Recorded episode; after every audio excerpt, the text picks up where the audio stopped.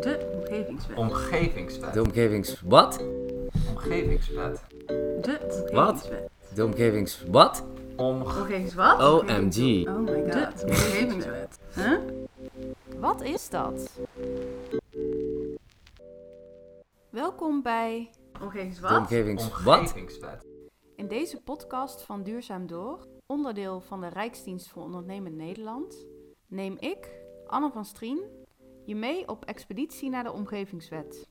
De nieuwe wet voor de fysieke leefomgeving die in 2021 van kracht gaat. In dit pratende onderzoek verken en ontrafel ik de Omgevingswet samen met ontwerpers, denkers en doeners. Wat gaat er veranderen? En wat is dat eigenlijk, de Omgevingswet? In deze aflevering verken ik samen met Jan Heijns van het Groene Brein en Tarsi Lusbroek van Duurzaam Door het ontstaan van de kenniskaart Mijn Leefomgeving.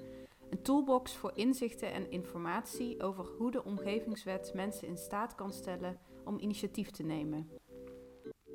Jan, welke inzichten kunnen mensen krijgen uit de kenniskaart en hoe staat die in relatie tot de Omgevingswet? De filosofie van die wet is dat er eigenlijk meer ruimte komt voor bewoners en burgers om zelf hun eh, dingen te doen in hun omgeving. Dus eh, eh, bijvoorbeeld een geveltuintje aanleggen, een buurtmoestuin of zelf energie opwekken met, met de buren. En die kenniskaart heeft eigenlijk als doel om bewoners meer handvatten te geven van hoe ze dat zouden kunnen doen. Hoe, hoe zet ik een energiecoöperatie op? Hoe kan ik het beste communiceren met, een, met de gemeente? Hoe krijg ik geld voor mijn initiatief? Eh, dat soort dingen, die zijn heel ja, eh, toegankelijk te vinden eigenlijk in die kenniskaart. Want er is heel veel informatie, maar die is overal en nergens te vinden. Ehm, en de kenniskaart heeft dus als doel om een soort van overzicht te maken van ja, al die informatie en vooral verwijzingen naar, naar die informatie. Mhm, ja. Want jullie zijn een netwerk van academici. Ehm, en hoe was het voor jullie om een schrijfsel te maken dat niet voor academici is bedoeld?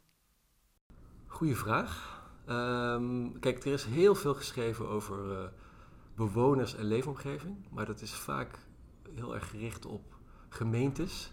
En ook zeker de wetenschappelijke wereld eh, schrijft natuurlijk niet per se toegankelijk. Ehm, dus we hebben wel eh, best wel veel werk gehad om ook dat soort teksten min of meer te vertalen naar teksten die enigszins toegankelijk zijn ook voor, ja, laten we zeggen, de normale burger. Dus eh, eh, iedereen zou het, zou het leuk moeten vinden om het te lezen. Maar dat was wel eh, een vertaalslag. En Jan, wat vind jij zelf van de omgevingswet? Ehm, ik denk dat het wel tijd wordt voor een. Het is wel tijd voor een vernieuwing. Ehm, waar ik wel een beetje bang voor ben, is dat, dat, het niet alleen, dat de nieuwe wet niet alleen ruimte geeft voor bewoners en burgers om mooie dingen te doen in hun leefomgeving, maar dat het ook meer ruimte geeft voor misschien meer commerciële partijen die denken: hoe kan ik eh, geld verdienen aan eh, bijvoorbeeld een mooi bedrijventerrein? En dat het daardoor. Dus hoe streng is die wet? Dat moet volgens mij nog wel in de praktijk eh, zich bewijzen. Ehm, Nederland heeft altijd best wel een mooie, mooie eh, traditie gehad om hun landschap te beschermen. En ik vraag me af of dat eh, in de toekomst, of ik hoop dat het in de toekomst nog wel eh, ook gaat gebeuren. De strijd om het landschap ja, is, is best wel hevig op dit moment. Dus ik hoop dat, het, dat we ook over 20, 30 jaar nog steeds kunnen genieten van mooie natuur en mooie landschappen. Ik hoor in jouw eh, reactie dat je, dat je ook voorzichtig bent, zeg maar, met eh, de aanvaarding van de wet. Omdat je Mm. ook eigenlijk tegelijkertijd ziet dat er eh, heel veel ruimte in zit of heel veel nog onbeschreven is. En dat daardoor nog maar de vraag is hoe dat dan vervolgens ingevuld wordt. Ja, precies. Dus ik denk, eh, volgens mij is de filosofie van de wet dat er meer ruimte is voor, maats- voor de maatschappij om eh, dingen te doen eh, of dingen te ondernemen om die omgeving of eh, het landschap vorm te geven. En dat, dat, dat, is natuurlijk, dat kan positief zijn voor, voor bewoners. Dat zij een soort van dat, ze, dat ze mooie dingen kunnen doen in, in hun leefomgeving. Dat lijkt me eigenlijk alleen maar goed. Maar er zit natuurlijk ook een gevaar in dat ehm, misschien partijen, bijvoorbeeld bedrijven, eh, misschien daar ook een beetje misbruik van gaan maken. Dus je wil, eh, je wil ook wel een overheid die, ehm, die ons, ons een beetje beschermt tegen verrommeling van het landschap. Mhm. En ik hoop dat de wet daar ook nog wel een antwoord op geeft. Ja. ja, precies. Dus oproep voor de mensen die de wet in eh, gebruik gaan nemen om daar scherp op te zijn. Ja. Vanuit Jan Heijns. Vanuit Jan Heijns.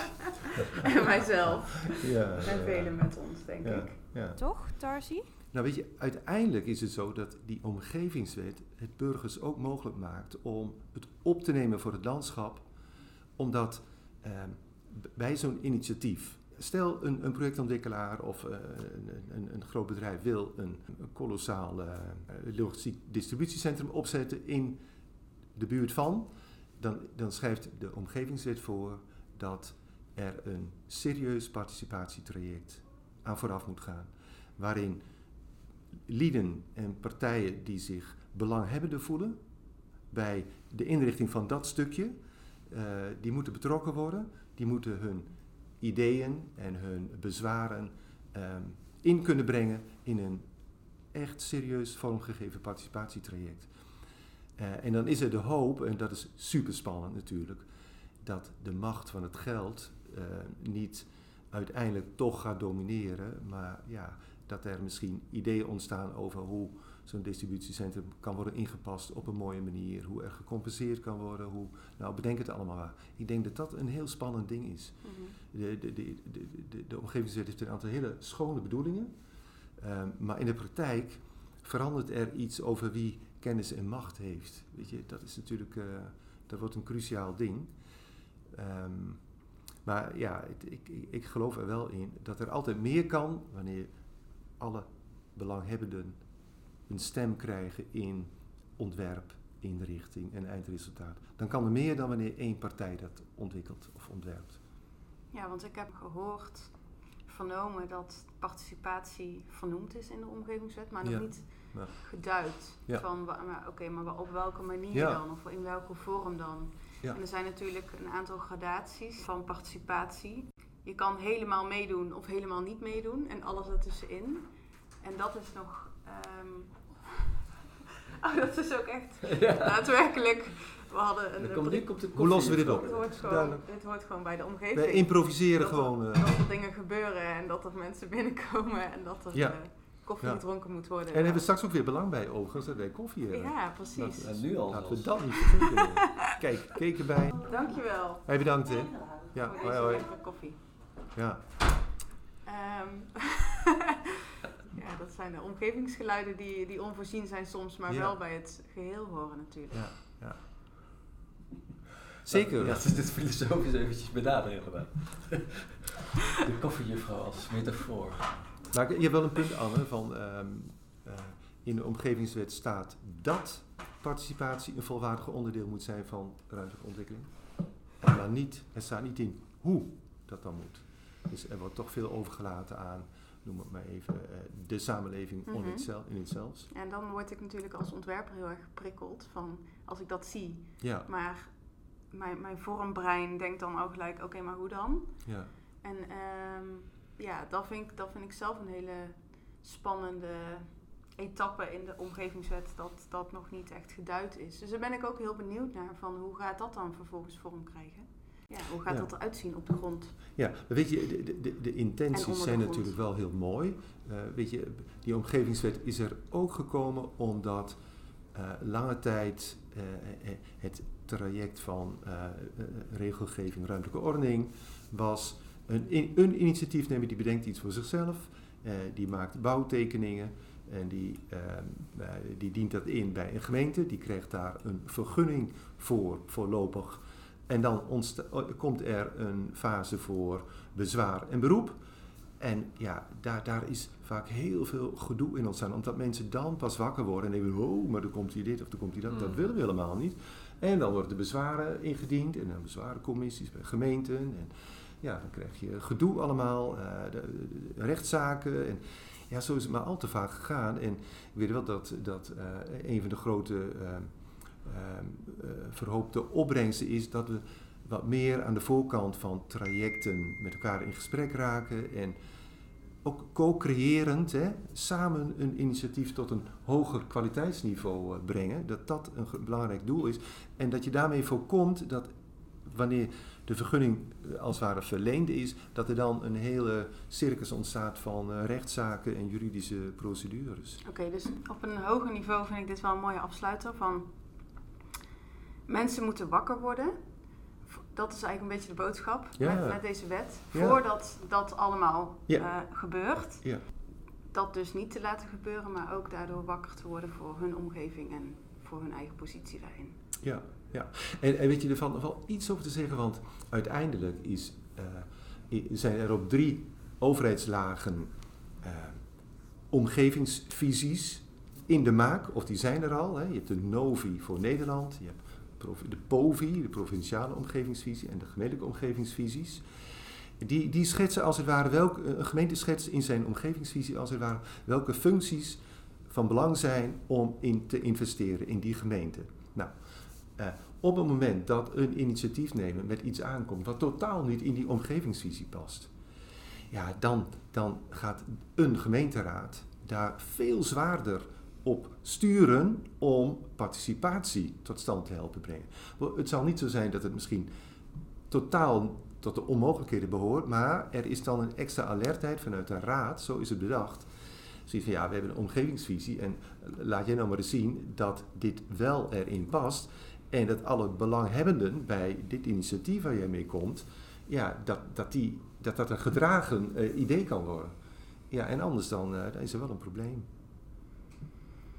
Oké, Maar we zijn hoopvol aan hoor. Van, eh, ik, ik, ik, ik denk wel, ik, ik, als je kijkt naar de, de, de, de, over een, een tijdspanne van 50, 60 jaar of zo, dan zie je natuurlijk dat vanuit het idee, iemand die bedenkt iets en die voert het uit en nou ja, het kan allemaal, naar als je nu iets wil, ja, dan eh, doen veel meer partijen mee en die krijgen ook steeds meer een positie om eh, er, er het tot een mooier initiatief en tot een mooier project te maken. eh. en ik denk dat de omgevingswet daar in die end voor bedoeld is. Precies.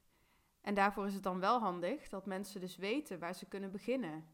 Of hoe ze onderdeel kunnen zijn van zo'n proces. Want dat kan voor iemand die niet helemaal op de hoogte is van de werking van de omgevingswet nogal een jungle zijn aan informatie. Daarvoor kan de kenniskaart een bruikbare toolbox zijn. En Jan, als laatste, waar kunnen mensen de kenniskaart vinden in de digitale wereld? Eh landingspagina van, eh, van de kenniskaart is kenniskaarten.hetgroenebrein.nl. Maar hij is ook te vinden straks eh, op allerlei andere websites, zoals eh, van Greenwish, van LSA Bewoners eh, en, en Steenbreek bijvoorbeeld. Ehm, ja, dus ik herhaal nog even een keer kenniskaarten.hetgroenebrein.nl. Dankjewel. de omgevingswet. De Omgevingswet. omgevings... Wat? Omgevingswet. De Wat? omgevingswet. De omgevings... Wat? Om, Omgevings wat? OMG. Oh my god. Omgevingswet. Omgevings wat? omgevingswet.